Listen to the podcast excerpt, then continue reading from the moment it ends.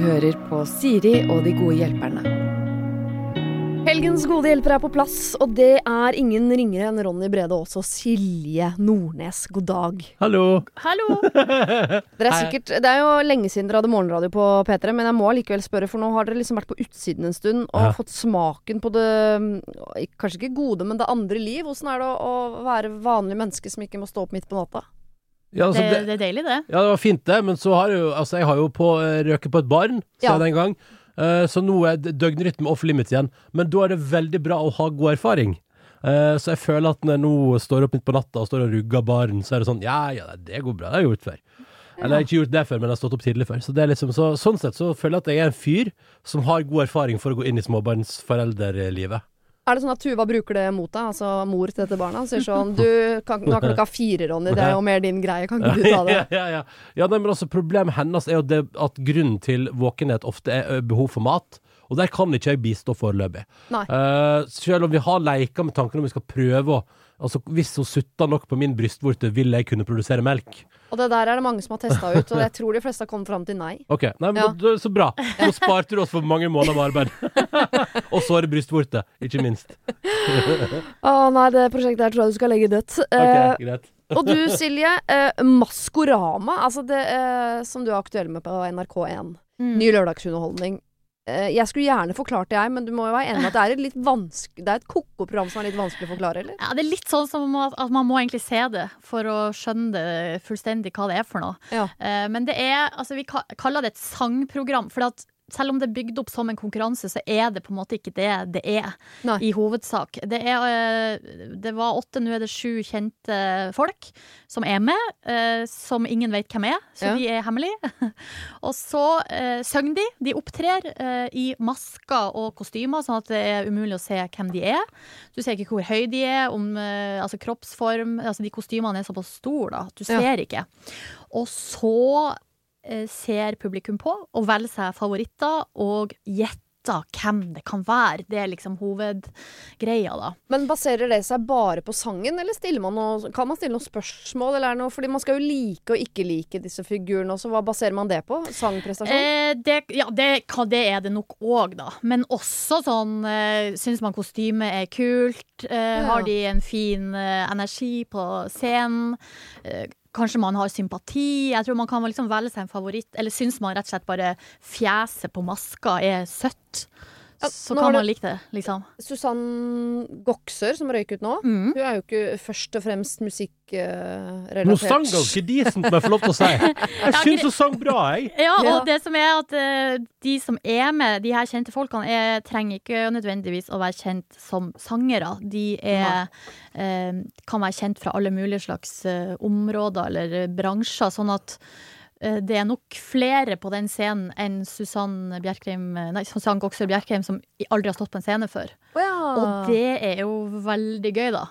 Og så presenterer jo de her figurene seg um, i en sånne videoer, som er veldig sånn klassisk for talentshow. Ja. At du blir liksom litt kjent med deltakerne. Men her blir man jo ikke kjent med eh, personene inni. Man blir liksom kjent med figuren. Ja. For eksempel elgen, da. Eller puddelen. Men skal elgen fortsette å være elg, eller kan elgen neste gang være Elgen er elg. Elgen er, så de Ja. maskene de har nå, det har de gjennom Ja. hele? Og så eh, i, eh, i beskrivelsene av figurene så ligger det jo da hint til hvem det kan være som er inni. Eh, og så mot slutten av hvert program så er det den med færrest favorittmarkeringer fra publikum som må ta av seg maska. Og eh, sorry at jeg er så nerdete opptatt Ja. av detaljene her, men hvilket dyr var Susann? Hun var gaupe. Snøgaupe. Og hva er, er hintet i det? Nei, altså der er det vel Det er det som var hint. Hun hadde for eksempel på seg en eh, På en måte utapå eh, pelsen så hadde hun en vest der det sto tallet nummer én. Oh, ja. Så det er liksom et hint om at her skal vi inn i sportens verden, kanskje. Okay. Og så sier hun jo i den når hun skulle presentere seg sjøl, så var det noe sånn med at uh, har eh, eh, leda Norge til gull flere ganger. Mm. Eh, litt sånn, så man kunne få litt sånn forsvarsvibber. Eller noe her, Jan Thomas er jo veldig opptatt av at det må være noen fra kongehuset som er med. Har han, altså, det, det med, altså, eh, Jan Thomas, har du sett andre reality-programmer? Det er veldig sjelden at noen fra kongehuset dukker opp. Så godt som aldri, vil jeg påstå. Ja, jeg vet, men han er i hvert fall sterk i trua på det.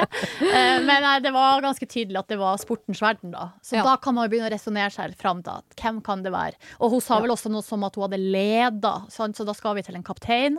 Ja. Og så må man jo bare begynne å jobbe, da. Tenk- Lagsport. eh. Jeg tenker jo nå Mini Jacobsen, selv om jeg vet at det er Susanne Doxer. Så jeg, jo, jeg, om, jeg tror ikke Mini var kaptein på landslaget. nei, la oss ikke håpe det. Kunne du vært med på dette her, Ronny? Er det noe for deg? Ronny Altså- er ganske god på du, er jo veldig, du har en veldig fin stemme. Takk. Altså, eh, altså, det er jo Det som er deilig med det, tenker jeg, da, er jo at eh, man kan synge på TV uten at folk vet at det er deg. Ja. Og det høres jo litt deilig ut, da. Eh, og jeg syns jo Susanne Gokser jeg, jeg synes hun leverte ganske bra.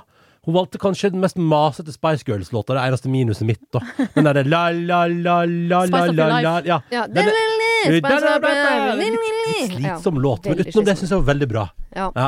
Ja, hun sa jo at hun ville jo aldri Hun ville aldri stilt opp på det her hvis ikke det var for at det var maske. Sant? Ja. Og jeg har Nå vet jo ikke jeg hvem de er, de andre som er inni, men jeg Sier du i alle fall? Nei, men det er eh, helt sant. Og, eh, og Men det er vel flere her som ikke eh, ja, det har fått egentlig kan synge. forstått. Det er flere som har sagt at de ville aldri gjort det hvis ikke det var for maskene. Ja, det Ja. fugleskremselet vil jeg jo aldri Jeg er veldig spent på hvem det er. For, der, der, er for å si at det, var, det var tynn sangstemme. No offense hvis fugleskremselet hører Du på. må ikke gå så hardt ut. Nei, men, men altså, Men det må noen som blir veldig, veldig lei seg. Wenche Myhre! Velkommen! Nei, men, altså, nei, men fugleskremselet er sikkert en nydelig person. uh, men det er ikke den sterkeste sangstemmen jeg har hørt i 2020. Det er det ikke. Men jeg tror så skrekken tror jeg for panelet eller, skal jo ikke de, de skal jo ikke bedømme sangen, de er ikke dommere i den forstand, men skrekken er jo å på en måte si at her er det noen som ikke er en trent sanger, og så viste det seg at det er en trent sanger. Ja, sånn, ja. Eh, Så det er liksom Kommer Solveig Kringlebotn ut, liksom. Mm. Det shit. Ja, det var dette, gutter. Det er pinlig. Ok, dere. Vi skal gå over til uh, problemer. Mm. Eh, og her er det altså en jente som skriver inn. Uh, hun er 30 år. Jeg har en venninne på samme alder som meg. Dere kan kalle henne Dolly. Hun ble uten forvarsel sterkt religiøs for noen år siden etter en smell på fylla, og hun begynte da å følge den kristne tro og Bibelen bokstavelig. Noe som motstrider den kristne troen hennes, er kanskje at hun også er flat earther. Altså, hun tror Oi. dønn seriøst at jorda er flat, og alt hva dette innebærer. Hun tror heller ikke på tyngdekraften, men derimot at den er flat, den jorda, og den beveger seg så fort oppover i universet at vi blir presset ned mot jorda. Når jeg sier at eh, du vet at man kan se bilder fra satellitter, og da ser man tydelig at jorda er en globe, nei, så nekter hun for det og sier at ja, det tror jeg ikke, for jeg eventuelt sjøl er ute i verdensrommet og ser det med mine egne øyne. Hun er også sterk tilhenger av diverse konspirasjonsteorier. Det kommer kanskje ikke som noe sjokk der borte. Bare så det. Mitt spørsmål er hvilke argumenter kan jeg bruke for å få henne til å forstå det mange av oss allerede har innsett, at jorda faktisk er en globe? Og hvordan kan jeg også forklare at man ikke trenger å følge bokst eh, Bibelen bokstavelig talt selv om man er kristen? Eh, Jeg er kristen, men ikke så bastant. Jeg tar ikke Bibelen så bokstavelig som henne. Jeg, eh, hun tror eksempel at jeg kommer til helvete bare fordi jeg har samleie med min samboer, som jeg har vært sammen med i åtte år, og fordi jeg drikker alkohol en gang iblant. Ja, ja, ja. Jeg er helt sikker på at hun ville vært en gladere person av å ikke være så redd for konspirasjonsteorier og diverse. Ingen av oss andre i vennegjengen er flat earthere, og jeg tror på konspirasjonsteorier. Hilsen Line. Kan jeg bare si en ting? Ja. Line, uh, Line går, uh, hun, har, hun går ganske bredt ut, fordi det her har hun også sendt til Lørdagsrådet.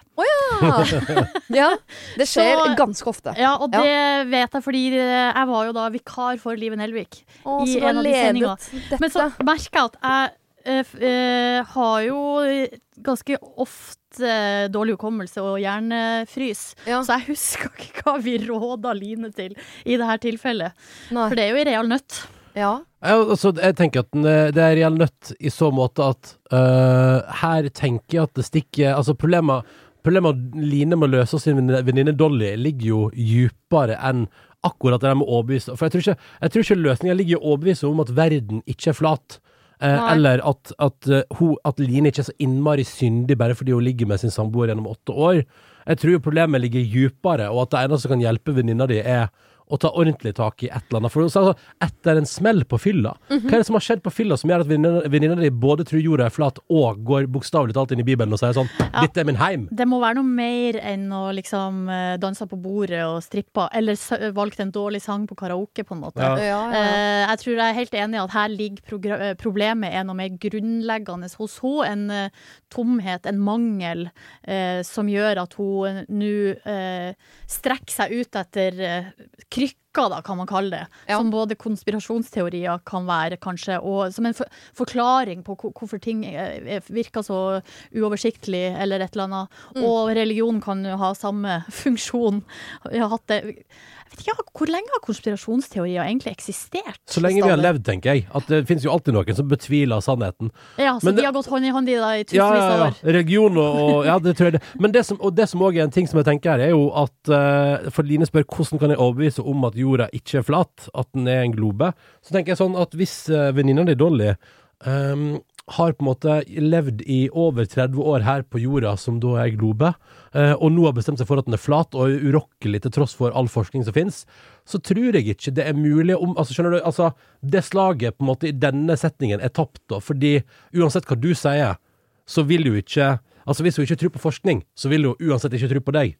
Um, Kan du eventuelt eh, ta en telefon til Elon Musk og Mm. høre om han kan få bli med på første tur til Mars? Sitte på en runde rundt der. men det er så lenge til, vet du. Det er det som er problemet. Nei, han sier at det skal skje ganske snart nå. men det, altså, det der med å få folk ut i verdensrommet, det har de pratet om å gjøre veldig lenge. Men ja, det er sant. Altså, det, er jo eventuelt, det, det høres ut som den eneste måten å kurere Dolly på her, da.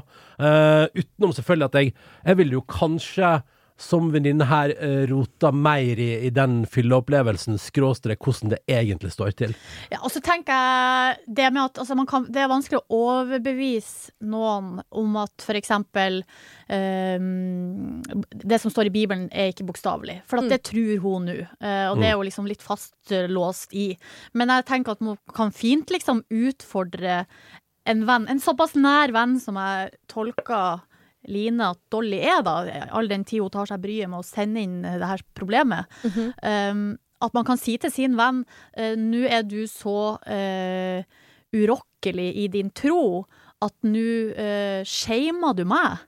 Ja. Uh, og det Hvordan da? Nei, hun sier jo, tru, sier jo at Line kommer til helvete. Ja, sånn, ja. ja, fordi ja. at hun har samkvem utenfor ekteskap. Så er det sånn Det um, det må man kunne være veldig Altså det kan man si tydelig ifra om. At du kan, må jo få lov å mene hva du vil, men på en måte Det er jo vondt for meg at du eh, tror at jeg kommer til helvete. Ja. det er jo ikke noe hyggelig. Eh, Uten at jeg har eh, møtt verken Line eller Dolly, så, og det er farlig å sammenligne folk man ikke har møtt med andre mennesker man ikke har nødt, eh, møtt. Men eh, jeg vet jo om en annen som ikke eh, vil høre på forskning, og som har mye rare teorier, som heter eh, Donald Trump. ja, ja, ja. Eh, og der, Han har jo vært litt aktuell i det han har vært bitte litt aktuell i det siste. Mindre og mindre framover nå. Ja, ja, vi eh, får se. eh, Vi får se. Men det eh, noen sa i forbindelse med handlinga, var at det er veldig vanskelig å sette fast Donald Trump med fakta. Fordi det er ikke sånn at eh, i det, Hvis man er en konspirasjonsteoretiker, for eksempel, da, hvis de får fakta i fanget, Mm. så er de så urokkelige i sin egen overbevisning som kommer fra et helt annet sted enn eh, tydeligvis noe som handler om fakta. At det er ikke fakta som vipper sånne folk av pinnen. Så da må man eh, spille på andre ting som går på følelser eller forfengelighet, eller eh, andre type eh, liksom, strategier for å nå inn til disse menneskene. Så jeg tror når Line her spør om hvilke argumenter kan jeg bruke for, at, eh, for at hun ikke skal liksom lene seg så hardt på Bibelen, eller ikke skal tro at jorda er flat. Jeg, sånn, jeg tror ikke det er noe fakta som får henne Nei. ut av det tankemønsteret der. Hun spiller på helt andre ting. Ja, jeg tror mer sånn der eh, Dolly, du er bra som du er. Ja. Eh, det kommer til å gå bra med deg. Eh, ting virker vanskelig og håpløst og uoversiktlig akkurat nå, men eh, på tross av det så er jo eh, menneskeheten liksom på vei framover i Mm. utvikling. Eller et eller annet med å mm, gi henne Ja, liksom gi henne litt sånn trua, da, og kanskje mestring på noe. Du er en god venn, eller et eller annet med at man på, måte- ja, tar, en, tar bakdøra inn, på en måte. Ja, i hvert fall gi veldig lite motstand på de tingene som hun nå lener seg på, at, som hun er veldig opptatt av. Jeg tror det er litt sånn sånn uh, Det er jo noen barn i barnehagen, min sønn blant annet, så han går ikke i barnehagen fortsatt, selv om det sikkert innimellom kunne vært lurt, eh, som syns det er veldig gøy å gå forbi ting og rive det ned. Så folk Ja. bygger opp, han river ned. Noen bygger opp, han river ned.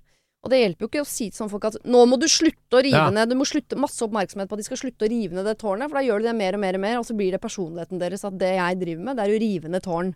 Så jeg tenker at du må bare eh, ikke prøve å snakke så mye om den konspirasjonsteorien, den flate jorda, den bibelen sånn. Bare prøv å gi Dolly noe livsglede, eh, noen andre impulser. Det kan jo hende hun, hun kan være flat earther, stole blindt på bibelen, men elsker karaoke. Kanskje ikke det står i Ja. Bibelen om karaoke, men Ja, men, det er sant, du kan synge karaoke og tro at jorda er flat. Det går helt fint. ja. Men, men jeg, jeg er helt enig i det. Jeg tror definitivt at uh, løsninga ikke er å arrestere henne og få henne til å føle seg dum, eller få henne til å føle at hun ikke blir trudd. Jeg tror eh, Jeg ville jo gått Jeg ville sagt skulle vi tatt et syndens glass vin og prate om hva som egentlig foregår. Ja. For det er noe baki her. Ja. Hvordan har du det en, Ja. eh, egentlig? Vil du Hvordan komme hjem til til det meg på saft og, og, og ost og kjeks? Der har vi det. Ja, og eller eventuelt altså, øh, gjør det, men kanskje også øh, spe på med altså, aktiviteter, gjør ting sammen, Mm. som på en måte Der du ikke får muligheten til å verken snakke om øh, Kino. Nei, Kino! Får ikke prate i det hele tatt.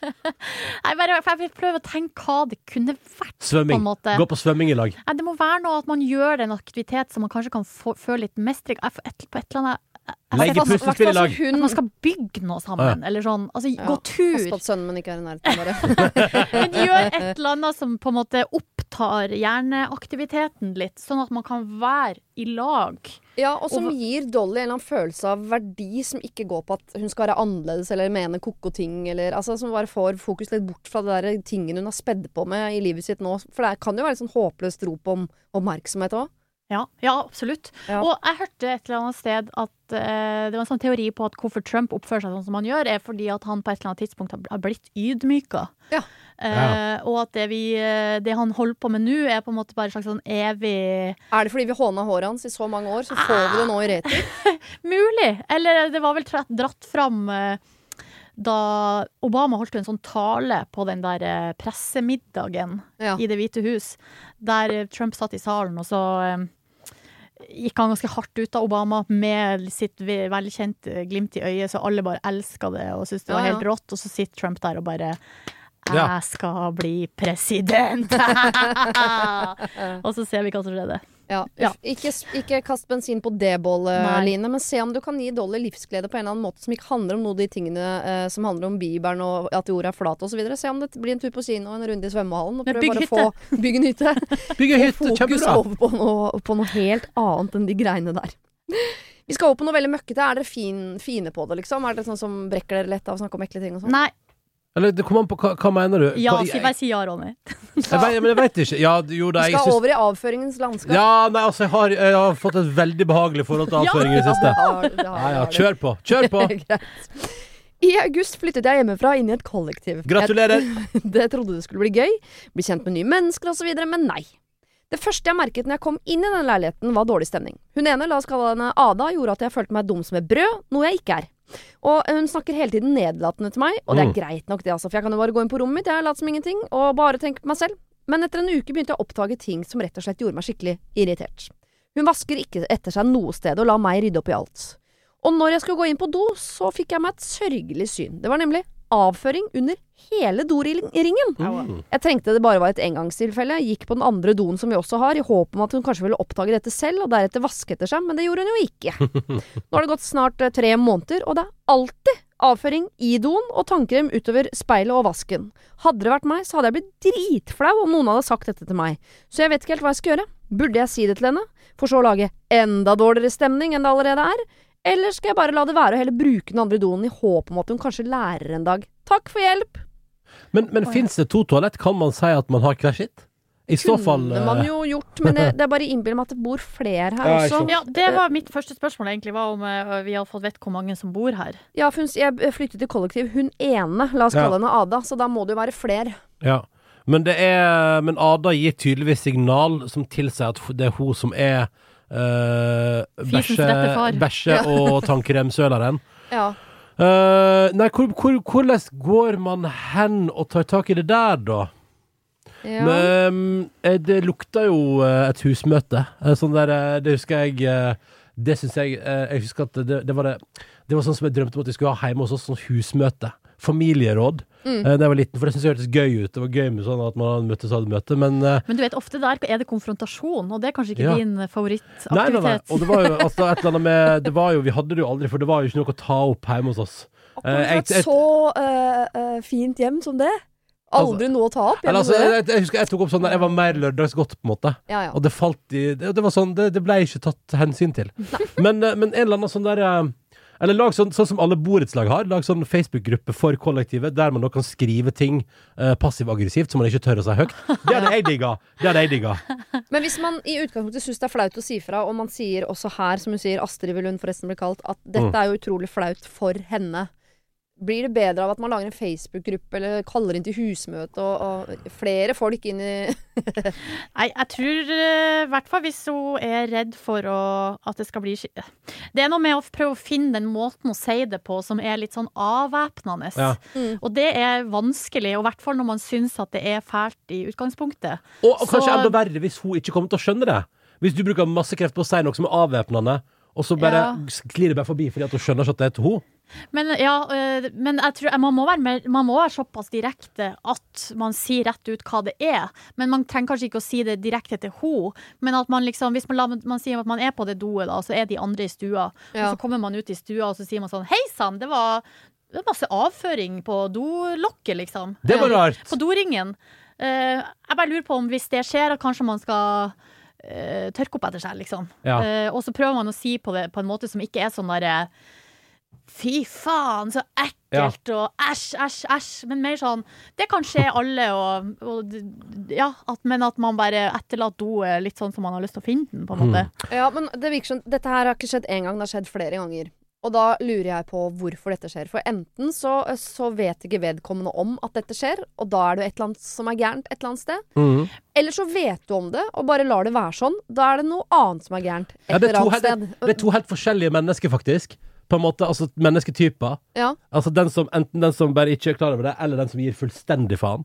Eh, og det som, man, det som man kan gjøre, er jo uh, jeg, jeg, jeg, henger meg litt opp i den digitale måten å si fra på. Ja. Uh, fordi Jeg vet ikke om begge Altså alle vi tre har jo jobba på samme plass. Og husker dere den gangen da en bare tok bilde av ei veldig avføringsbefengt doskål og sendte på fellesmail? Ja, huska det. ja, den store doen, ja. Ja, Mm. fordi uh, det òg setter jo spor i et menneske. Uh, når det kommer en mail, og der er det eh, bare eksponert for alle sammen. Her er doskål, den ser helt grusom ut. Hvem har gjort dette? Hvem har gjort Fiks det her? Ja. Uh, så det, det er jo òg en eventuell jeg bare, jeg bare hiver det ut der som en måte å si fra om. Eh, se at, at igjen da på fellesgruppa til kollektivet, eller på sånn felles messenger-chat med alle som bor der.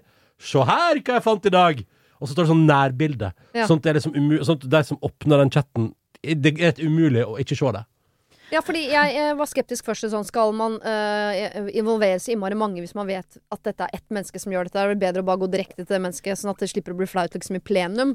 Men hvis man eh, Litt ljuging må være lov. Later som man ikke vet. Ja. Noen har gjort Hvem har gjort dette? Ja. Og hvis ikke det blir bedre, så vil jeg nesten gått så langt som sånn Hvis ikke vedkommende som driver med dette, holder opp, så kommer jeg til å gjøre et nummer ut av å finne ut av hvem det er. Ja. For da må man jo begynne å bli redd.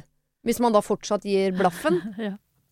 Så gir man jo blaffen i om folk vet at det er deg òg, antagelig. Fordi du syns det er helt greit at det er bæsj på overalt der inne. Men var det noe med her at man fikk en sånn følelse av at det var litt dårlig stemning på andre måter også, med akkurat den her eh, Ada?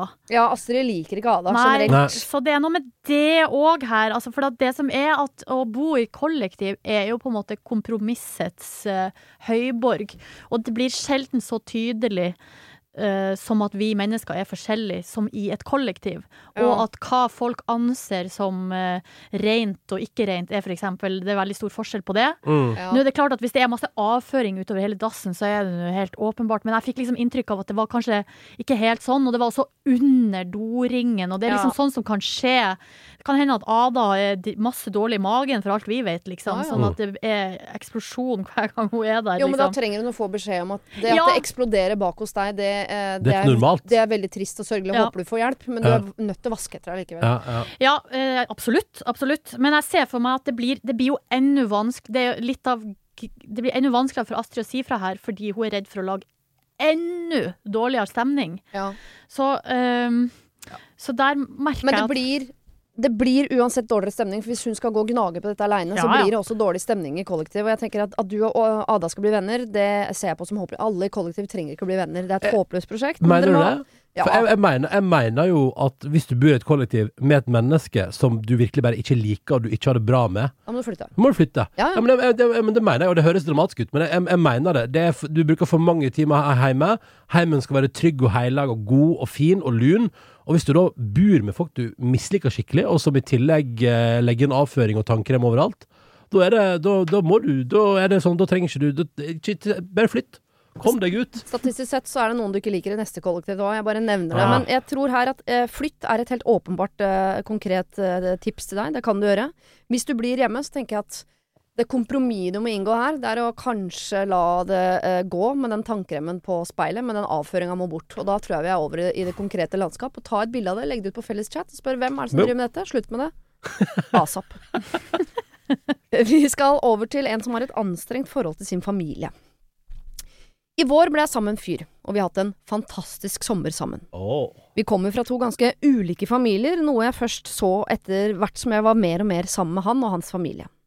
Jeg har flere søsken og et veldig tett forhold med min mor og min far, og jeg prater med mamma om alt og ingenting, og familien er generelt noe jeg setter veldig høyt, og jeg elsker å tilbringe tid sammen med dem. Kjæresten min, dere kan kalle han Tobias, har denne høsten havnet i en konflikt med sin mor. Hans far støtter selvfølgelig mor. Konflikten er ikke store greiene, synes jeg, men jeg forstår at det er småting underveis her som nå har ført til at de ikke snakker stort sammen.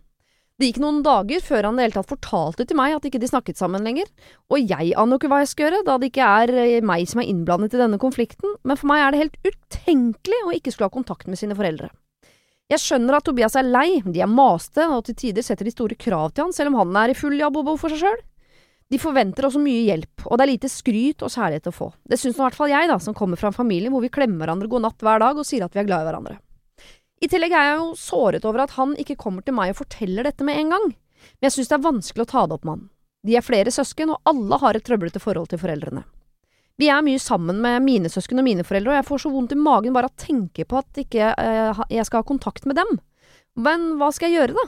Jeg har hatt et helt fint forhold til mine svigerforeldre tidligere, og jeg har ikke opplevd den siden som Tobias beskriver.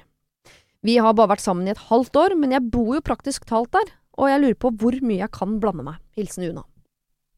Hva Si, jeg vet ikke uh, om jeg sa det, men uh, han bor altså nærmest vegg i vegg med sine foreldre. Oh, ja, Men eget det- hus og ja. De bor veldig tett. Ja, sånn generasjonsboligaktig nesten. Det kan godt hende. Altså, det er veldig, eller på gård, at de bor i gamle hus, og så i nye huset, der bor han. Ja, det, ja, Ja. jeg tror nok kanskje det er noe sånt. Ja, ja. Mm. Altså, problem, problemet her, eller det som jeg syns Det som jeg syns du først skal ta inn over deg, og bare bruke et par minutter på å tenke på, er at ikke alle har samme type forhold til sine foreldre. Hvordan man forholder seg til sine foreldre, varierer veldig fra folk til folk. Det, det er lært. hvert Ja, og det må være greit. Ja, det, og det er helt innafor. Fordi du sier at du Jeg bare kan tenke på for Una sier at hun får sånn vondt i magen av å tenke på tenk om, tenk om jeg hadde hatt et sånt forhold til mine foreldre, eller ikke hatt det, på en måte. Mm. Og da vil jeg bare si at det er mulig at du får vondt i magen av det, men det kan godt hende Tobias ikke får vondt i magen av, i det, av det i det hele tatt. At det er sånn ja, ja, ja, ja. Ja, for han kan jo det som skjer nå være eh, en kjempevektig del av en slags raus, løsrivningsprosess. Mm. Noe som har bygd seg opp hos han over lang, lang tid. Og, og det er jo litt sånn Det høres litt hardt ut, men det har ikke noe med Una å gjøre, Ja, egentlig. det er hardt, syns jeg. Ja, men det har ikke. Det har ikke det. Ja, er helt Eh, og at eh, det at han ikke forteller det til henne, det skjønner jeg at det oppleves eh, eh, litt rart. Mm. Og, eh, og fremmed, kanskje. Og ka på, på grensen til utrygt. Altså noe som hun anser som et så stort tema at ikke han kommer til henne med en gang. Men han har jo kommet til henne i løpet av et par dager. Men er det ikke også litt naturlig at han ikke tar det med, selv om han skal snakke med sine nærmeste? Men jeg bare tenker sånn, hvis jeg har et eh, eh, La oss late som jeg har et litt rablete forhold til min familie, da. Ja. Det har jeg. Og så hadde jeg hatt eh, to bestevenninner. Hun ene har, er, sånn som klemmer familien sin hver dag og elsker de, og de eh, kjører nærmest rundt på turné for å gi hverandre nattakoser og sånn. Mens hun andre har et sånn tilsvarende forhold som meg til sin familie. Mm. Jeg går jo til hun som forstår når jeg blir irri på min familie, og ikke til hun som har sånn hallelujastemning på kjærlighet. Mm. Og snakker med moren sin timevis hver dag på telefonen og sånn. Fordi det er fremmed. For meg er det fremmed. Ja, Og det er et ja. rart sted å gå hvis jeg har sagt sånn 'Å, nå er jeg irritert på mutter'n', og så kommer det en sånn 'Å, mamma er den beste jeg vet!' Så sånn, Vær stille! Jeg orker ikke Ja. snakke med deg. Og så tenker jeg også at det her, eh, For hans del så kan det hende at han har bare rett og slett trengt et par dager å, eh, å eh, tenke over sjøl, liksom, hva han har vært igjen, eller hva er det han står i, og hvordan skal han forholde seg til det, finne de rette ordene, liksom Ja, la det synke litt. Mm. Og så kan man fortelle det på, på et eller annet vis. At det liksom ikke, at det ikke Det er ikke noe dramatikk i det. Sånn. Det er ikke sånn at han har tenkt sånn Å, nå skal jeg sitte og suge ut på den her lille hemmeligheten av en karamell for meg sjøl. Nei, i hvert fall ikke når det er som du sier, Silje. Det angår jo egentlig ikke henne. Så han skal jo ikke snakke med henne om dette fordi hun har det behovet. Han hadde ikke noe behov for å snakke med henne om det. Men også kan jeg bare stå og si Jeg vil legge til én ting på akkurat det der. Fordi eh, nå har jo jeg vært sammen med den samme kjæresten i åtte år. Eh, og det tok meg noen år å forstå eh, at du at, liksom, at det er en logisk ting, at det kan føles bra å å dele alt med den man er sammen med. Uh, For i starten var jeg en fyr som, og det har jeg jo lært etter hvert at var liksom dårlig taktikk, da, men, men jeg er en fyr som gjerne tenker for meg sjøl, og så er det på en måte, da, da, da har jeg tenkt det. Men jeg har aldri sagt det. Uh, og så forventer jeg på en måte av en eller annen absurd grunn at alt jeg da har følt og tenkt, det, det, det ligger det i rommet. Så da er alle innforstått med det. Og det en veldig Eller det å lære seg å kommunisere med en kjæreste tar lenger enn et halvt år, var mitt poeng da, egentlig. Ja. Sånn at eh, det, jeg, vil fall, jeg vil i alle fall ikke underbrukt tid på å irritere meg over at Tobias brukte noen dager på å komme til deg, fordi det, det, det, sånn, det å lære seg å kjenne et annet menneske, det tar tid, da. Og det å finne ut av at eh, og for eksempel at, at, eh, at Som du òg sa, Siri, at han vil jo kanskje bare fordøye litt sjøl, og, og kanskje òg prate med noen andre som er litt mer i samme båt. At, liksom, at kanskje det ikke var det viktigste for han i situasjonen å gå til henne og prate om det først, men kanskje òg å bare finne ut av det på egen hånd. Kanskje han skammer seg over det, for det, den saks skyld. Jeg får det ikke til med min familie, og Ja. det gjør jo du. Og da Ja. skammer jeg meg litt over det, og da er det flaut for meg å snakke med deg om det. Ja, fordi hun kan jo framstå som ekstremt familievellykka på andre sida der, ikke sant? Ja, Jeg De har det så kongelag, og Tobias ser bort på og tenker sånn Jeg kommer aldri til å komme dit. Og det òg kan være, ja, som du sier, et utrolig vondt, sånn, en vond vedkjennelse.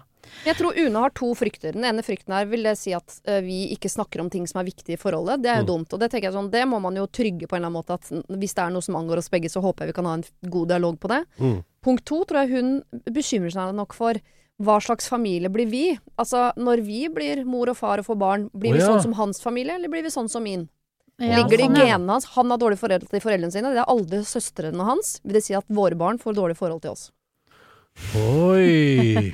Plot twist. Nei, men jeg må bare si en ting, og det er at eh, jeg vil ikke at det skal høres ut som jeg sier, går hardt ut og sier at det her angår ikke deg, Una. Altså, jeg, og det mener jeg på en måte jeg- Altså, jeg, jeg sier det, men jeg, men jeg er også enig i at, jeg, altså, at han kommer jo bedre ut av det, og dem to som team Mm. kommer selvfølgelig bedre ut av det ved at, av at han er åpen. Men det tar kanskje litt mer tid. Men det kan hende det tar litt tid, og jeg Ja. mener bare at hun skal ikke føle seg trua Nei, nei, nei. av at han ikke gjør det nå med en gang.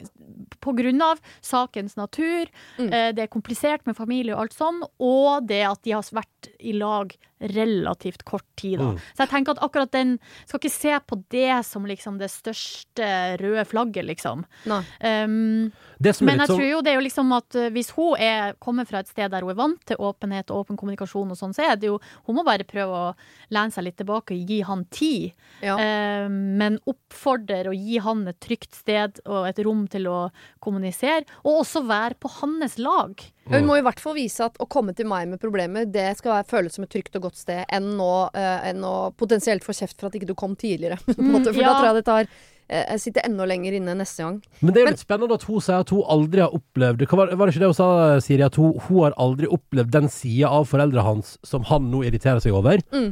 Eh, det er jo òg litt spennende. For hva er da Da foregår det eventuelt da, Enten så foregår det en slags uh, endring i oppførsel eh, i den familien når hun ikke er til stede, eh, eller så er det et eller annet han Tobias som hun er sammen med, overreagerer på, på en måte. Jo, men det er klart at han øh, øh, har jo 30 år med småagg liggende Ja. i et glass. Da, da skal det jo sant. lite til før det renner over. ikke sant? Og når Mm. du kommer inn da første gang og sier sånn Nei, men var ikke hun hyggelig, ja? Jo da, hun er hyggelig. Men bare bli med oss en liten tur på hyttetur, så, så begynner glasset ditt å fylles opp, det òg. Så det, det trenger ikke å bety noe. Men eh, eh, bare sånn eh, til Una, for hun spør jo om jeg, tror- altså, jeg tror ikke jeg kan finne noe Una kan gjøre for at hans foreldre skal bli sånn som hennes, og det forholdet skal bli sånn Nei, som nei, deres nei. forhold. Men er det noe Una likevel kan gjøre som jo kjæreste og den som skal støtte kjæresten sin i denne konflikten som er? Jeg tror det er veldig viktig, som uh, Silje sier, å, å være liksom på lag. Ja. Og, og alltid støtte opp om Støtte opp om han. Uh, vær der for han. Det er jo dere to som skal, være, som skal danne den nye fronten her, og nye laget. Så uh, legg iallfall alt av uh, kjærleik der. Og ikke liksom si sånn Ja, men foreldrene dine er jo mye hyggeligere enn du gir deg kreditt for. Jeg tenker, jeg Ja, nei, ikke gjør det. Men, men, uh, men man kan jo ha en sånn liten sånn Altså, man, det, hun har jo et blikk utenifra. Mm. Så det å liksom være Må i aller høyeste grad være på lag med han. Eh, Men man kan jo også si sånn mm, kan jo se det fra den, fra den sida. Man kan jo også kanskje vurdere det, det og det. Altså Mm. Det kan jo være ting Her er det jo, det er jo litt sånn klassisk i en familie. Man går seg jo bare inn i sånne spor. Ja. Sånn at eh, det er jo eh, Kan jo noen ganger være litt sånn deilig med et blikk utenfra som kan eh, nyansere litt, da. Ja. Eh, og gjøre de her sporene litt mindre nedkjørt. Sånn at det faktisk går an å kanskje komme seg ut av det. Eh, men så må han noen ganger bare akseptere at sånn har vi det. Eh, sånn er det her. Men jeg har nesten lyst til å si til Una og det vi sa i stad til hun som hadde en venninne som tror at jorda er flat, at det er noe med at det hjelper ikke å si hva du syns, på en måte. Det er som å si sånn eh, Jeg tror jorda er flat. Ja, nei, jeg mener at den er rund. Ok, kult at du mener det. Da mener vi forskjellige ting. Og det er bare irriterende at du kommer med eh, liksom faktaopplysningene dine. ja, ja, ja. Og samme er det med sånn eh, Jeg har et veldig dårlig forhold til min mamma, kan jo kjæresten til Una her si. sånn, jeg syns hun er kjempehyggelig. OK, Una. ja, så bra. Det, Kjempebra. ja, kjempebra for deg. Kan ikke dere gå og ha et kjempebra forhold, da? Jeg tror, jeg tror ikke du får overbevist han om at moren hans eksempel er veldig hyggelig fordi du syns det. Så jeg tror det er viktigere at hun ikke kaster bensin på bålet eller sier sånn ja, herregud, for en heks, hold Mm. deg unna henne. Men at du, er, du må i hvert fall så godt du kan prøve å forstå hans irritasjon. Og heller være litt konstruktiv på sånn Men du, da dropper vi den søndagsmiddagen. Ja. Men kanskje vi skulle stikke innom og bare tatt en kopp kaffe der. Ja. Kvarter, liksom, på onsdag. Ja. For det hadde jo vært greit, tenk deg da. Down hva gjør vi på julaften, liksom? Det er jo Mm. dumt hvis ikke dere skal snakke om hverandre da på et halvt år. Ja, det, det er sant. Ja, omstrukturere litt uh, måten man kommuniserer på, kanskje. Ja. Ja, det tror jeg er en kjempeidé. Ja, For jeg tror bare, hvis Una nå, hvis hun sier sånn Jeg syns foreldrene dine er helt topp, jeg. Kan vi ikke være masse sammen med de, ja? Så sier du egentlig Ja, men Tobias, det er du som er problemet her. Ja, ja, ja. Så det, skru ned presset litt. ja. Sånn har vi det nå, og så eh, lar vi det hvile litt, det her, og så så Og så tar vi en kaffekopp og ikke full fireretters Ja. resten av. Ja, ja. Ja. Lykke til, Una. Og husk det som en psykolog sa til meg en gang. Man får det forholdet til barna sine som man fortjener. Så dette betyr ingenting for deg og dine fremtidige barn. Et problem til her. En som lurer på uh, noe som vi ikke kan svare ja eller nei på, men vi kan jo komme med noen synspunkter allikevel. Jeg er en dame på 36 år som har verdens beste kjæreste. La oss kalle han Thor. Mm. Han er jo 14 år eldre enn meg, men vi merker ikke så mye til den aldersforskjellen. Vi har bare vært sammen i halvannet år, men jeg ser virkelig for meg at det er han jeg skal dele resten av livet mitt med, og det samme mener Thor. Vi har det veldig bra sammen, krangler ikke, kommuniserer godt, har fantastisk sex, ja, vi er veldig lykkelige sammen. Vi har begge barn på hver vår kant, jeg har en datter eh, fulltid, og han har to eh, barn annenhver uke. Og de ukene han da ikke har barna sine, ja, så bor han her hos oss. Så til problemet. Jeg har alltid hatt lyst på flere barn, jeg. Helst to til. Å være bonusmamma til hans to blir ikke det samme. Jeg vil ha flere egne barn, jeg vil være mamma til flere. Det er i hvert fall det jeg har tenkt, da. Jeg har snakket med Tor om dette, og han sier at han gjerne vil få flere barn med meg, han, men jeg blir så usikker. Jeg føler at det ennå er for tidlig å få barn med han, og vi har som sagt da bare vært sammen i ett og et halvt år. Samtidig renner jo ikke eh, Samtidig renner jo tiden snart ut, og jeg vet heller ikke om jeg blir noe særlig klokere om et år eller to. Han vil jo bli en gammel far, men akkurat det tar jeg egentlig med ro. Han er sprek, han, og han er en fantastisk far for de to barna han har fra før, og bonusfar til min datter. I det ene øyeblikket så drømmer jeg om hvordan det vil være å få en baby i armen igjen, den gode følelsen av å være mamma til et lite småtroll. Neste øyeblikk minnes jeg småbarnsperioden, hvor mye stress det egentlig var, og hvor lite søvn man får, og jeg tenker med skrekk på hvordan dette kan gå utover det gode forholdet jeg har til Thor nå. Hadde jeg vært ti år yngre, hadde jeg tatt det helt med ro. Da kunne jeg venta, sett åssen ting går, ikke noe stress.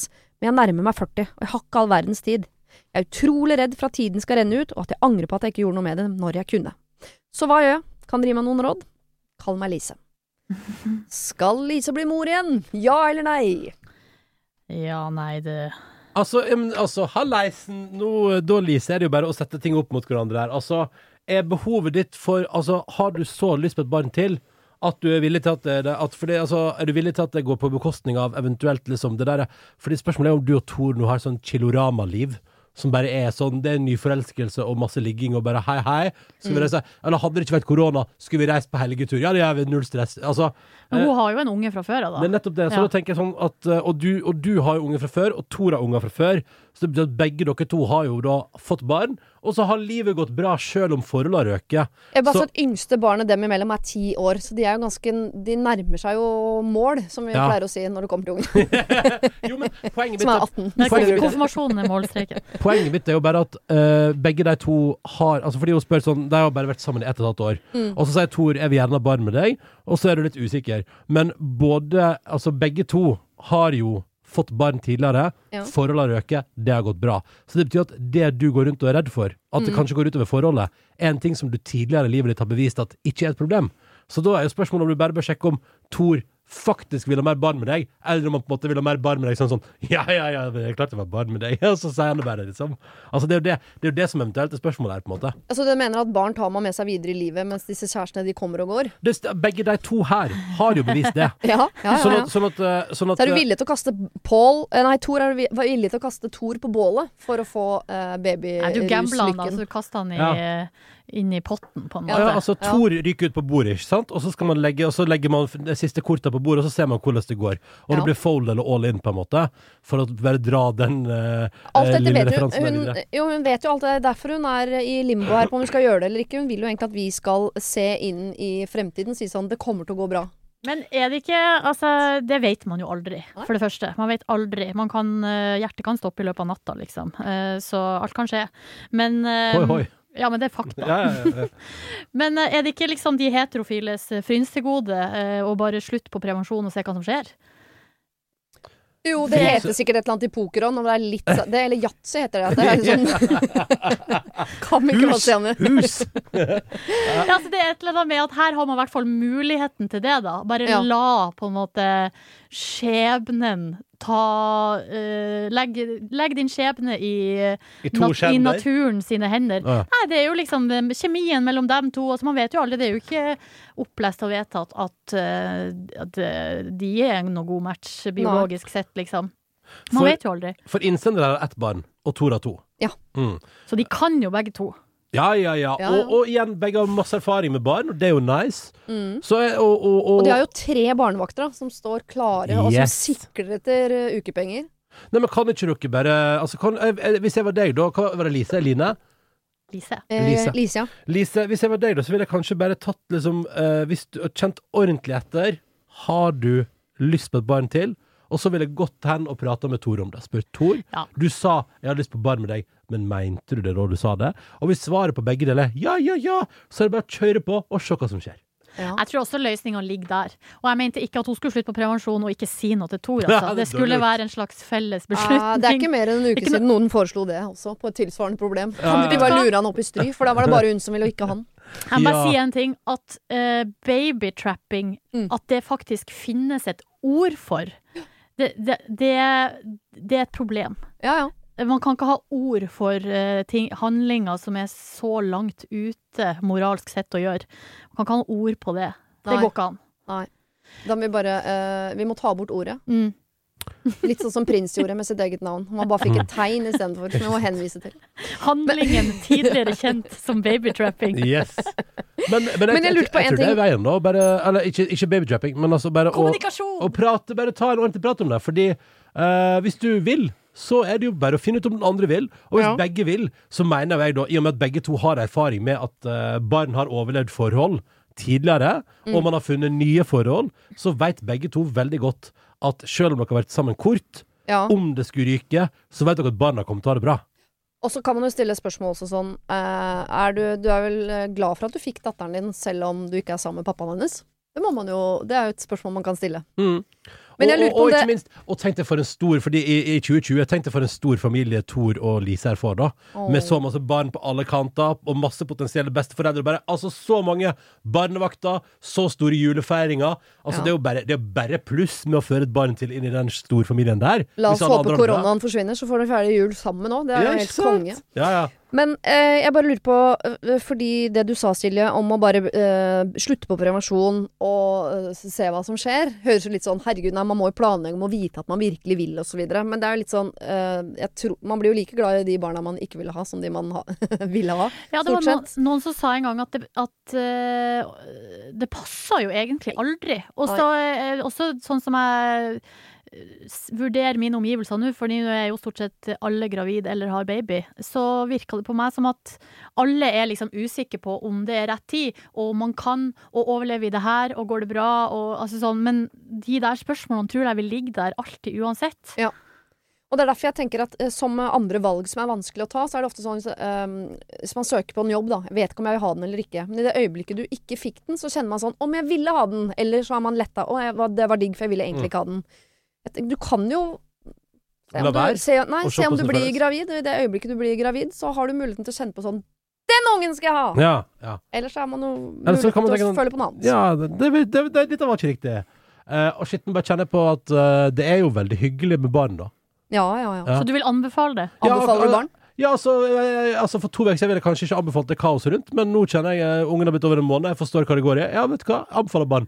Det er bra greier. Ja. Det er kjempegøy. Og sånn som Lise beskriver Thor, så tenker jeg sånn Det er klart at dere skal ha barn. Ja, han er, han er god mot sine barn, hun er god mot sitt barn. Hvorfor, altså, det er Dere ingen kommuniserer, dere krangler ikke, dere har fantastisk sett, dere er lykkelige sammen. Ok, alt det kan jo Ja. forsvinne, men jeg sy alt ligger til rette her for Det- at det blir en fin familie. Ja, det er Tenk så glad Erna blir. Ja. Erna blir jo så fornøyd nå, fordi uh, her er de har tre fra før, og nå skal det bare produseres enda mer. Da er det langt over snittet for den norske befolkningen. Det er veldig Kjør bra. Hvis det er det argumentet du trenger for å vippe lasset, Erna blir du kan glede Erna med dette.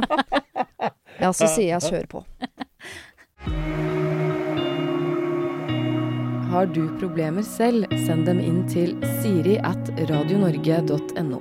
Og jeg tenkte å spørre, for det er litt typisk at folk tenker om uh, sånne som dere, eller la oss si sånne som oss, da.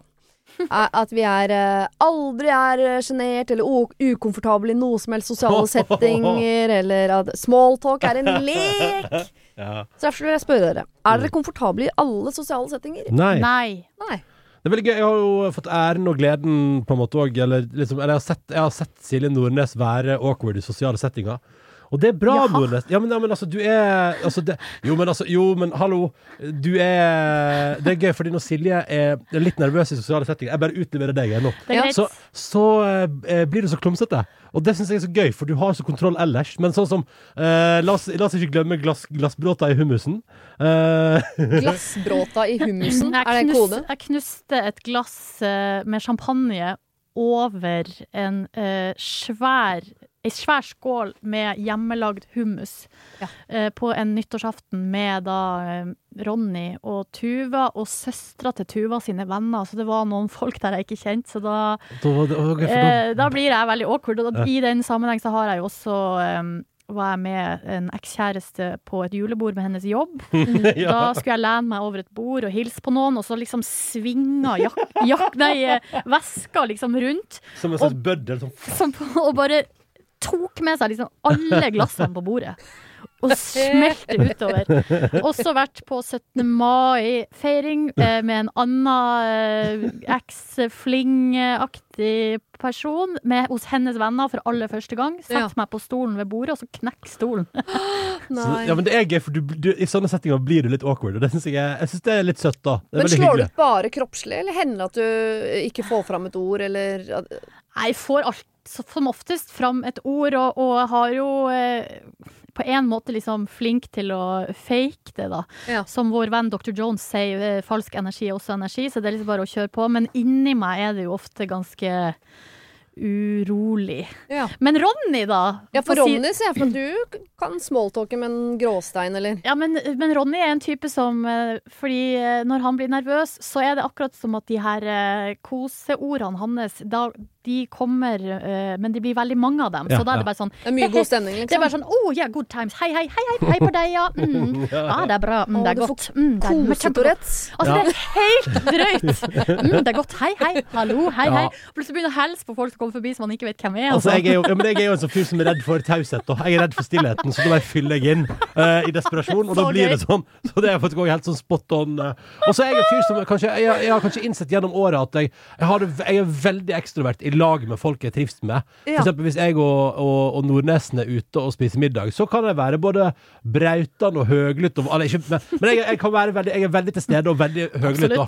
Jeg er en høglytt fyr. Men er, det, det skal, hvis jeg er eh, rundt fremmede, blir jeg altså så Da har jeg egentlig lyst til å bare forsvinne i et hjørne. Som Ja. er vanskelig når du da er langt over 100 kilo og 1,86 høy. Da er, det, da er det vanskelig å gjemme seg, på en måte. Eller bare å bli veldig sånn Kan jeg bare gjemme meg her borte? Veldig vanskelig. Så, eh, så jeg, eh, jeg er nok litt sånn der eh, Jeg har det veldig bra og er veldig høylytt med folk jeg trives med, og så jeg er ikke så glad i sånn minglehaleis, egentlig. Syns det er litt skummelt. Ja, jeg tror du kunne gått ned både i høyde og vekt, men fortsatt hatt problemer med å gjemme deg et hjørne all den tid du er kjendis. Tror, ja, det der tror jeg er litt vanskelig uansett. Sett meg her borte, jeg, for jeg må ikke tenke på meg. Ja, eh, for faren der er at man uh, virker som man prøver å fremstå som litt sånn mystisk eller kulere enn oh, ja, alle nei, andre, for Gud. man bare sitter i et hjørne, liksom. Å nei, virkelig ikke. Det er bare redselen for å, å ende opp i situasjonen der det er sånn Å, jeg vet ikke, jeg vet ikke hva jeg skal si nå. Og da fyller jeg på med koseord, og det blir ganske slitsomt over tid. Så det, nei, jeg vet ikke. Jeg, bare, jeg, jeg, jeg trives egentlig bare best med folk jeg er trygge og på og glad i. Jeg, Ja. jeg syns det er det hyggeligste alltid. Jeg har sett dine likemenn i det siste. Jeg ser mye på første date med min sønn. Vi syns det er så kleint begge to at eh, vi sitter med hver vår pute. Eh, og da er det også en del folk med en gang det blir stillhet, så fyller de på med en sånn kosesetning. Er sånn Nei da, så Ja. Sånn var nå det. Og så blir det mange runder med det. Og det er altså så pinlig å se på. det er gøy at du Og og din sønn ser på første date i dag. Elsker det programmet. Jeg kunne sett det i loop hele døgnet. Jeg bare håper ikke han tar etter når han først skal på date. Så jeg sånn, å, det, å, mamma har heldigvis vist meg hvordan det skal gjøres. Bare si én kosesetning om og om igjen. Det hele er over på under fem minutter uansett. Ja, ja, ja. Nei da. Ingen fare. Dere, vi skal til en som eh, ikke alltid er like komfortabel i alle setninger, og som trenger litt hjelp. Hei. Dette er ikke et så stort problem, men det plager meg. Jeg føler at jeg fremstår, og at andre rundt meg syns at jeg er sjenert. Og jeg merker det på meg selv også i settinger med folk jeg føler meg øh, komfortabel rundt, både kjente og ukjente. Men jeg er bare sjenert når jeg er rundt folk som virker truende ved at de er veldig frampå, trenger mye oppmerksomhet, eller gjerne snakker høl i huet på deg. Altså folk jeg syns er slitsomme. Det å være sjenert er det jo ikke noe galt med, men jeg føler ikke det som om jeg er egentlig det. øh, Og jeg vil ikke, og jeg trives ikke heller ved å være sånn i spesielle settinger. Selvtillit og selvfølelse øh, går bare ned. Jeg er ellers glad i å snakke med folk. Jeg er egentlig åpen, liker jeg å tro selv. Og så er jeg veldig trygg på meg selv og har over gjennomsnittet god selvtillit. Så jeg sliter ikke egentlig med det. Ikke det at jeg er den som roper høyest, altså, men jeg er ikke redd for oppmerksomhet heller, tror jeg. Jeg har mange venner, og noen bestevenner også. Hilsen 17 år gammel jente som trenger sårt å ikke være så sjenert. Dette plager meg kanskje mer enn dere tror. Kall meg Sandra. Heh, takk på forhånd. Det er litt sprikende, den mailen her, eh, men forstår dere litt hva eh, Sandra prøver å si her? Altså, hun, hun føler ikke at hun er sjenert, men hun oppfattes som sjenert i enkelte setninger, og hun kan fremstå som sjenert, men hun føler seg ikke sånn. Mm. Nei, og er ikke det der eh, litt sånn den der eh, Altså, er det ikke bare Fordi du har jo bare ikke det behovet for å være så høglytt, er det ikke det? Jo. At det er bare at du, du, kan, du kan slappe av, du, du har det helt fint. Og så kan noen oppleve at du, at du da bare ikke liksom er helt til stede, eller et eller annet. Det, er ikke det det som er å være introvert, da? Jo. Litt grann? At du bare Du har ikke det enorme behovet for å markere deg så voldsomt på den sosiale Ja, det er jo litt sånn øh, På en måte Den midlertidige straffen for å være introvert er jo at i møte med ekstroverte så virker det eh, som om det er de som har fått det til, og ikke du.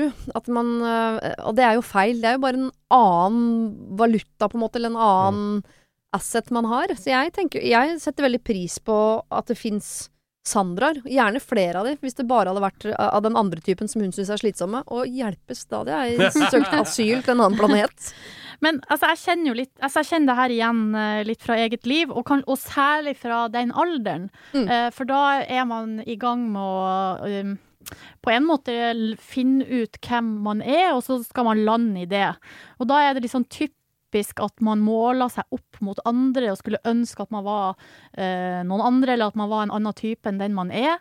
Og det som har vært viktig for meg, i hvert fall, har vært å akseptere den jeg er. Ja. Eh, sånn her er jeg. Mm. Sånn her kan det bli oppfatta av noen. Det er ikke nødvendigvis kanskje det som er sannheten, men sånn, sånn blir det bare. Mm. Eh, og at det må på en måte være greit.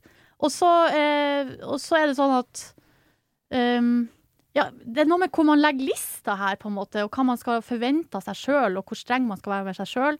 Mm. Og, også- og det her med at man kan ikke styre hva andre syns om deg. Og da, egentlig, det beste man kan gjøre da, er å akseptere den man er. Ja. Og eh, litt sånn hva som er sosial valuta, endrer seg jo litt uh, ut fra alder. Det kan godt hende at din personlighet vil kle det å være 25 mye, mye bedre enn det å Mm. være 17.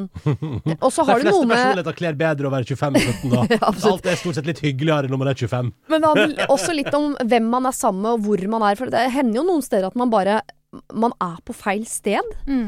Eh, Ja. uten å, eh, det er bare fordi jeg liker å snakke om den serien fortsatt, selv om jeg skjønner at alle andre har gått videre med livene sine. Men den NRK-serien som vel heter Normal People Jeg har ikke sett den ennå. Fantastisk vakker eh, jente som ikke snakker med en eneste på skolen sin. Har ikke en venn på skolen. Veldig stille.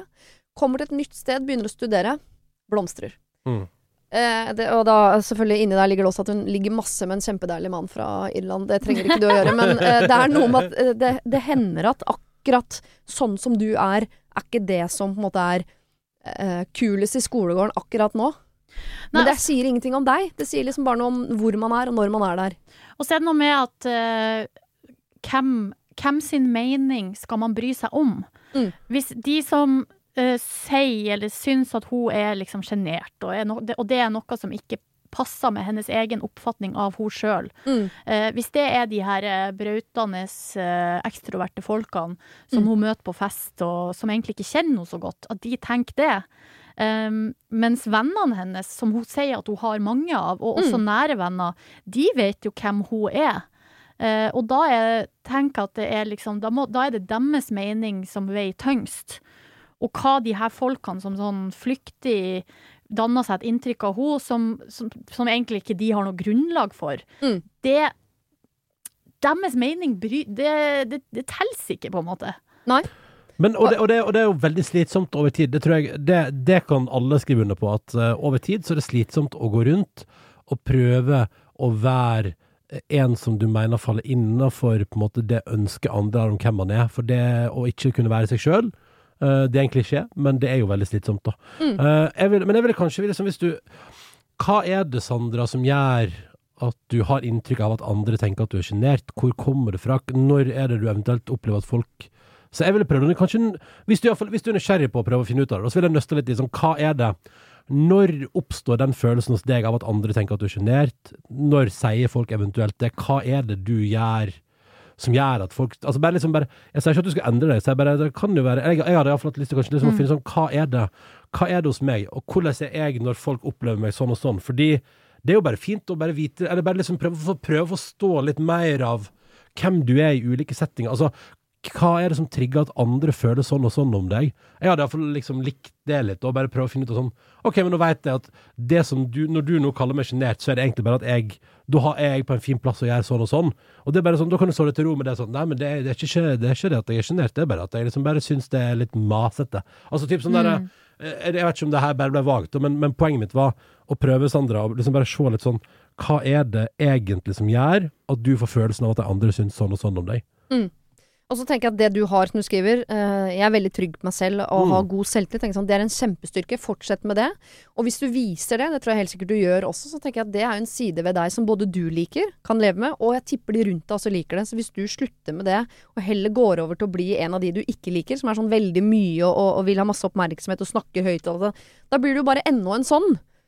Så ikke gjør det. Jeg tenker at du skal fortsette akkurat sånn som du holder på nå, så er jeg helt sikker på at det er en av grunnene til at vennene dine liker deg, og det er en av grunnene til at du også kommer til å få det bra på sikt med den du er. Vi skal til et problem som vi har på en måte vært innom det allerede, for det handler om, om hvorvidt man skal bli mor eller ikke. Men forrige gang lå alltid rett til man hadde den mannen, man hadde noen unger fra før, man hadde kjærligheten, kommunikasjon Alt var på plass. Her er det en som kjører litt mer solo, og lurer på Jeg er nå 37, sliter med å finne ut av om eh, livet mitt er best med eller uten barn. Kan dere si negative og positive ting om det å være forelder? Her må det prøverør til om jeg skal få et barn. Derfor syns jeg det er et vanskelig valg. Livet nå er jo eh, fint, selv om jeg er ufør og sliten. Men kommer jeg til å angre? Hva om jeg ikke orker da å ha et barn? Hva om livet bare blir stress og mas, eller kanskje ikke ting blir noe bedre? Jeg har ikke lyst til å sitte som gammel og alene, men samtidig så vet jeg ikke om jeg vil ha baby. Kall meg Mina. Hei, Minna. Hei, Uh, den er tricky. Ja. Ja. Ja, for uh, jeg, umiddelbart blir det sånn, men du sier at du er ufør og sliten. Hva, hva Men, og er hun også alene? da? Altså ikke med partner? Står ikke. mm. Mm. Måtte bare ta meg en slurk kaffe. Fordi altså, det som jeg umiddelbart uh, tenker der, da, er jo um, Hva Har du For det høres ut som Du er litt sånn i limbo, for du er egen Sånn som jeg Hvis jeg leser Jeg leser Mina sånn her. Mhm. Du er egentlig ikke så veldig gira nå, men du lurer på om du burde ha satt inn støtet, bare for å eventuelt ikke angre om lenge. Mm.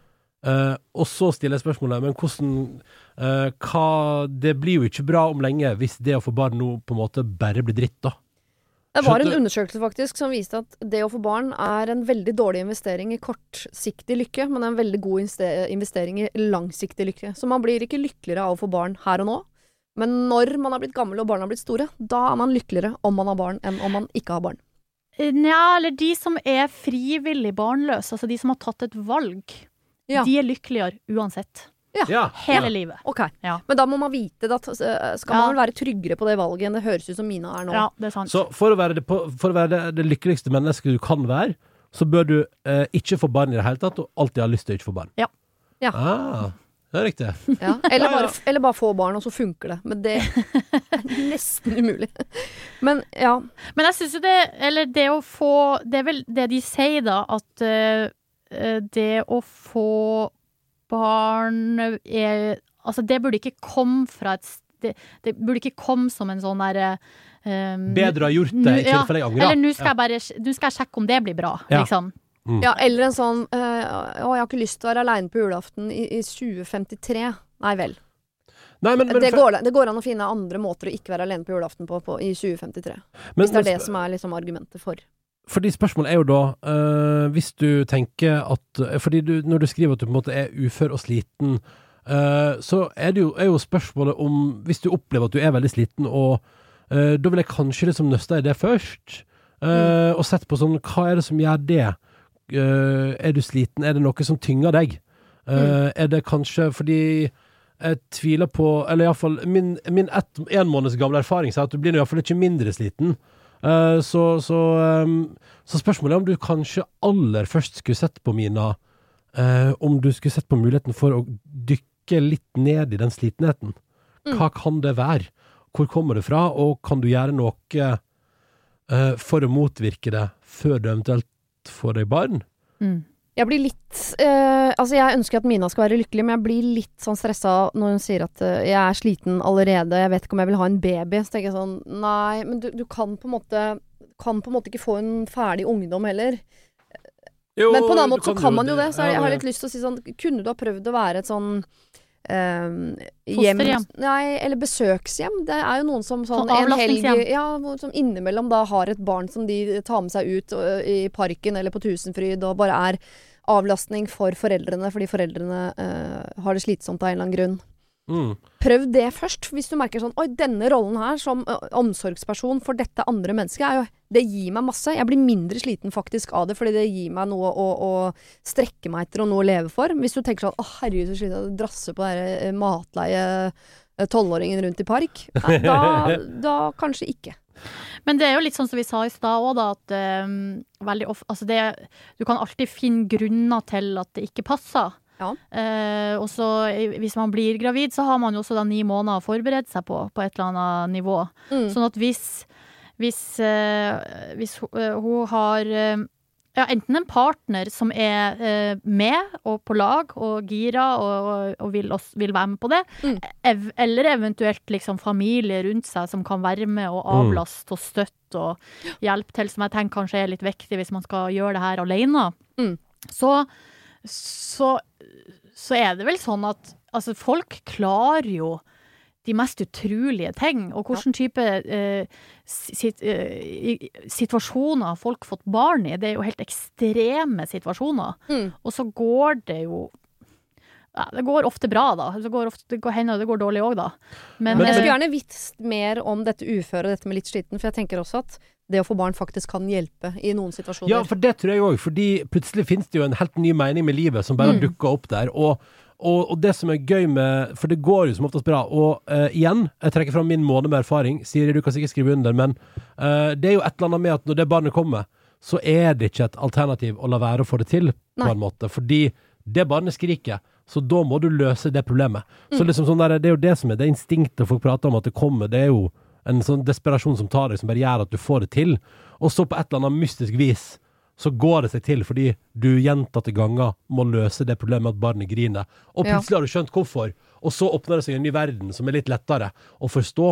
Eh, og det det som, så det som er gøy, Mina, er at det kan godt hende, akkurat som det blir sagt der, at, at det kan godt hende din slitenhet er noe helt annet, og at det å eksempel få et barn nå, eh, oppleve å få en helt ny sånn enorm kjærlighet inn i livet, noe helt, en ny dimensjon, noe nytt å ta vare på, et menneske som har deg som sitt nærmeste, det er ganske kult. Og det er en helt annen type energi. En helt annen type Altså, det har det Plutselig gjør det ingenting å sove lite. Nei, Det er, null, altså det, er, det er helt fascinerende å se hvordan bare hele kroppen, menneskesinnet, bare vrir seg til og bare sånn Altså, jeg, jeg tenker jo liksom sånn Jeg er en fyr som alltid har liksom satt egen kos først. Nyte livet, og så kan man ta konsekvenser, rydding, alt sånt. Det tar man etterpå. Ja. Og så plutselig nå så kommer det et sånt nytt vesen som sier sånn Ja, nå skal du ta alt det som du har kjent som normer og, og regler i ditt eget liv før, og så bare vrir vi på det. Og så er det null stress for meg å gjøre det. Og det er litt kult. Ja. For det var jo det jeg var redd for når det var snakk om å få barn. Var- Det jeg var redd for, var jo at det ikke går fordi det krasjer fullstendig med sånn som jeg liker å leve livet mitt. Og så viser det seg nå en måned inn, og jeg skal nå virkelig ikke sitte på en høy hest der, men jeg bare sier at det som jeg får indikasjoner på fra egen hjerne og kropp nå etter en måned, er jo at det er så beyond at, at det at hele livet vrir seg litt, gjør ingenting. Plutselig er det helt greit. Så det kan godt hende, Mina, at, at det å få barn er den største velsignelse, for å bruke deg. Altså, men, men det kan godt, altså det, selv om man er sliten på en måte, betyr ikke det at man er sliten på en annen måte. Så det kan godt hende du bare er i en posisjon der livet har Hva er det man sier? At, at life gives you lemons, ikke sant? So make At- lemonade. Ja, ikke sant? At, at det liksom er sånn OK, den slitenheten, det, det handler om liksom ting som som handler om andre aspekter av livet. Og at det liksom ah, det vært et drittjobb, og der ble du ufør, og det var, det var, det var synd. Altså, at du liksom har hatt en, sånn, en, en mengde med dritt som har kommet, og så kan det hende det barnet er en mengde med blomster på andre sida. Det er ikke umulig. Det er umulig for oss å vite, og Mina, hvis vi hadde visst mer om det Jeg tror fortsatt ikke vi kunne sagt noe helt sånn ja eller nei klart på dette her, men ut ifra det du skriver, så syns vi det er vanskelig å vite om eh, et barn i ditt liv vil være en berikelse, eller om det vil være noe som gjør livet ditt ytterligere vanskelig å eh, gjennomføre. Så eh, ta en runde på det med deg selv, og så eh, send gjerne en mail til med noe mer info. Hvordan da syk, hvordan da sliten, de tingene der. Så kan vi ta en runde to på hvorvidt vi syns det høres ut som en god idé om du skal bli mor eller ikke. Nå skal vi til et eh, Det problemet jeg har med at jeg gleder meg til. Mhm. Å, Ja, er? Ja, ja, ja. Er det juicy? Vil du gi dere hint? ja nei, jeg har lyst til å lese overskriften, men det er gøyere når det bare kommer også. Ok, ok. Mhm. Jeg har et frustrerende problem. Jeg håper dere kan hjelpe meg. Jeg har en god venn, la oss kalle han Bård. Hver gang vi er sammen, har vi det veldig fint, og jeg tror vi hadde passet veldig godt sammen. Vi har like interesser, like verdier, vi har det utrolig fint og koselig sammen. Jeg tror vi begge eh, glemmer tid og sted når vi er sammen. Jeg merker at han er glad i meg og bryr seg veldig om meg. Vi datet en periode helt til han tok opp at han syntes det var litt for vanskelig fordi jeg har ligget med hans bror Vegard for fem år siden. Han gråt og syntes at dette er for vanskelig for han. Ja, jeg datet Vegard i noen uker etter et lengre forhold. Og for meg var ikke dette det store, og jeg syns det er ubegripelig at dette kan sette en stopper for meg og Bård. Etter at jeg og Bård avsluttet, hadde vi en periode der hvor vi ikke så hverandre i det hele tatt, men i det siste eh, har vi vært sammen, og jeg har en følelse av at vi begge er interessert i noe mer. Men jeg tør ikke å ta det opp, da jeg er redd han ikke har skiftet mening. Kan man bli sammen med en som, man har datet, som har datet sin egen bror, eller er det et dødt prosjekt? Hva kan jeg gjøre, og hvordan kan jeg gå fram? Til opplysning er vi i slutten av 20-årene, vi bor i samme by, og jeg har ikke hatt kontakt med Vegard siden vi datet for fem år siden. Mm. Veldig deilig at hun kaller dem Bård og Vegard, syns jeg, for det er Ja. et brødreparnavn som jeg syns er enkelt å forholde ser- seg til. Ja. Bare for meg Ylvis Ja. I hodet mitt. Hun kaller seg også for hilsen Foxy Girl, bare for å gjøre det tydelig for oss. Ja. Jeg bare så, jeg så for meg at, uh, så for meg at innsender var, var Kalle Hellevang Larsen, for eksempel. Jeg kaller meg Kalle. Um, Ja! Kunne, det, kunne du, Silje, blitt sammen med en som hadde ligget med søsteren eller broren din? Vet du hva, I kjærligheten så er jeg helt utilregnelig, så svaret på det er vel ah, ja. altså, jeg mista all slags uh, uh, hva, hva man skal kalle det.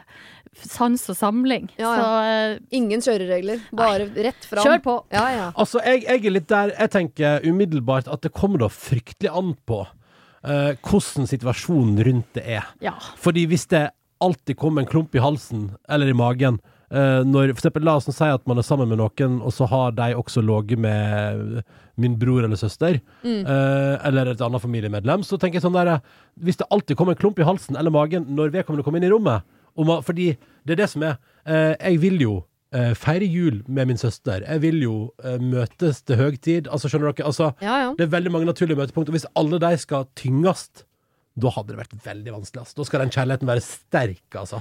Men det er jo opp til Bård her, da. Eller det er liksom han som sitter på um, Ja. fasiten på et eller annet vis. Og da tror jeg, Foxy girl, hvis du eh, Hvis det her virkelig eh, Hvis det stikker dypt, det her, liksom, Mm. så er det vel ikke noe annet å gjøre enn å bare go for it.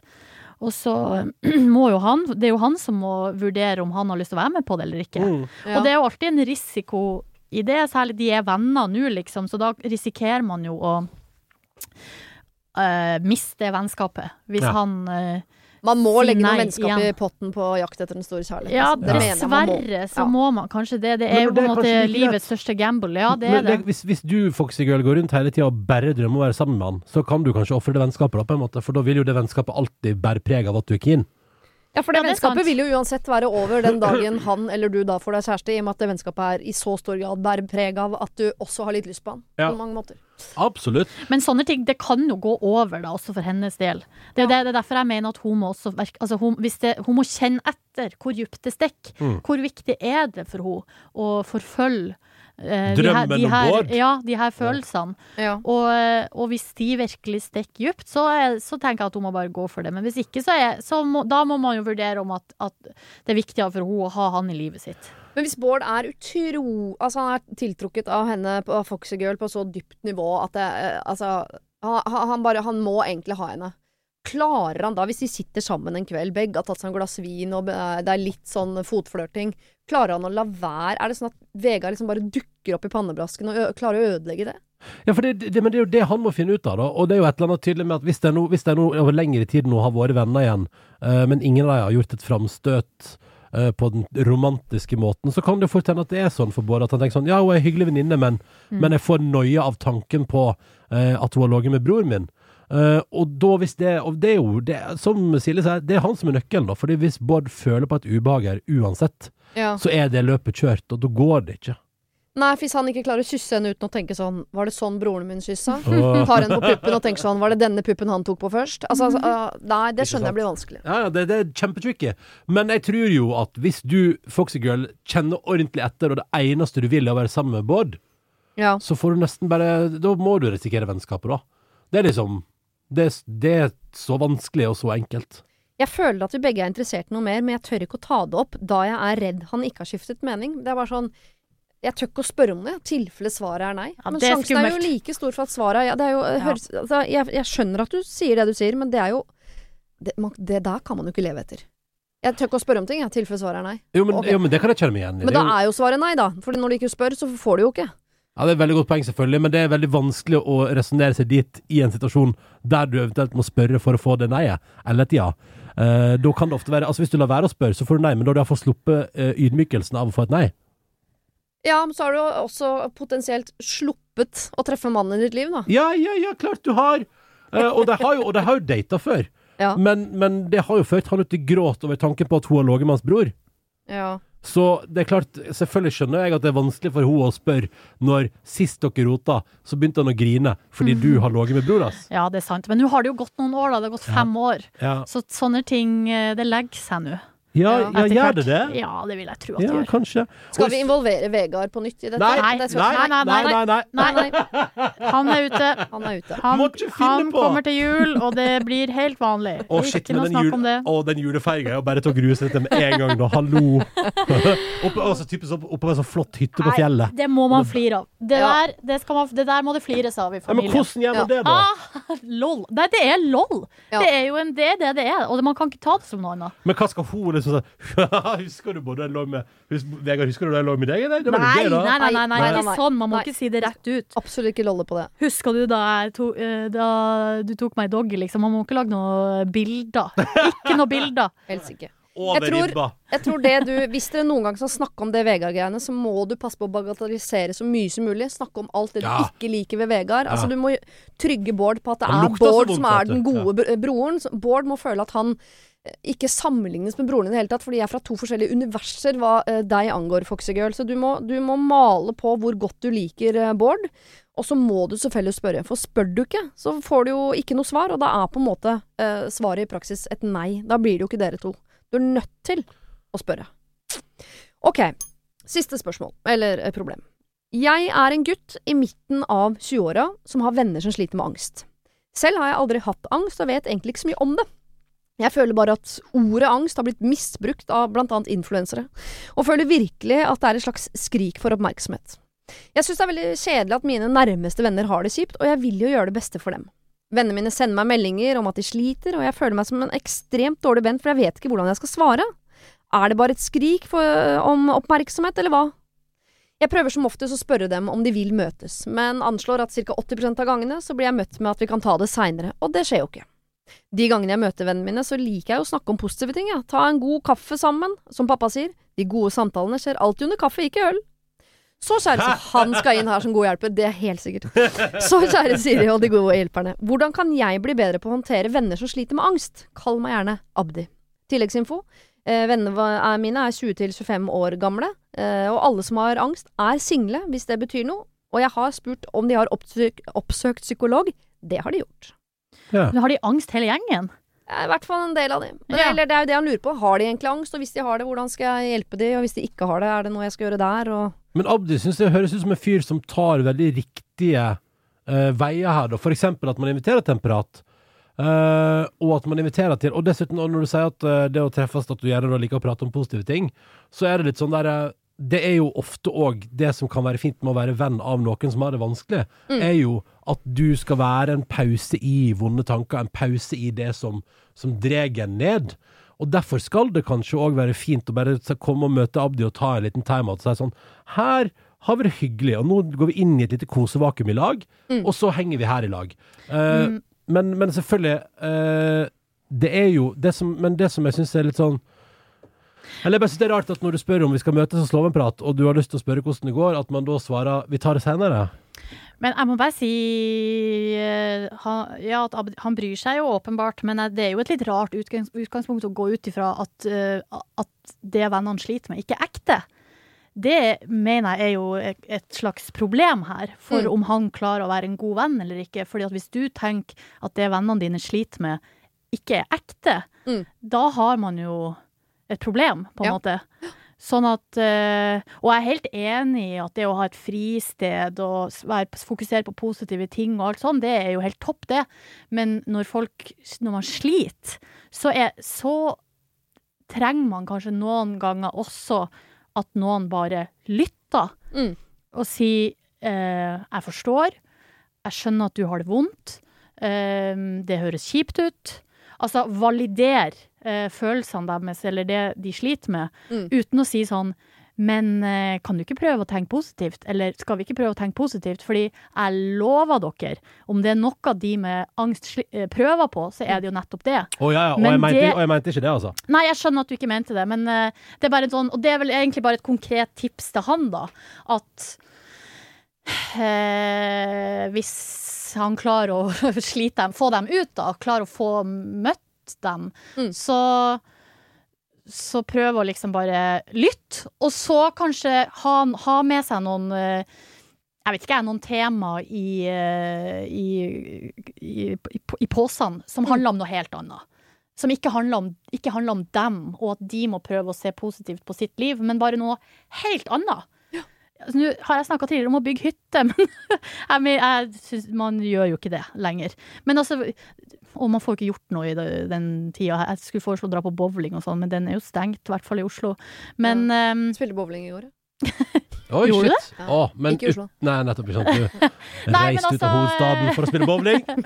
Eh, Prøv å ja, s- s- snakke om liksom helt andre ting. En fin TV-serie Ja, så lag det eh, pusterommet, ja. Ja, lag, lag det pusterommet.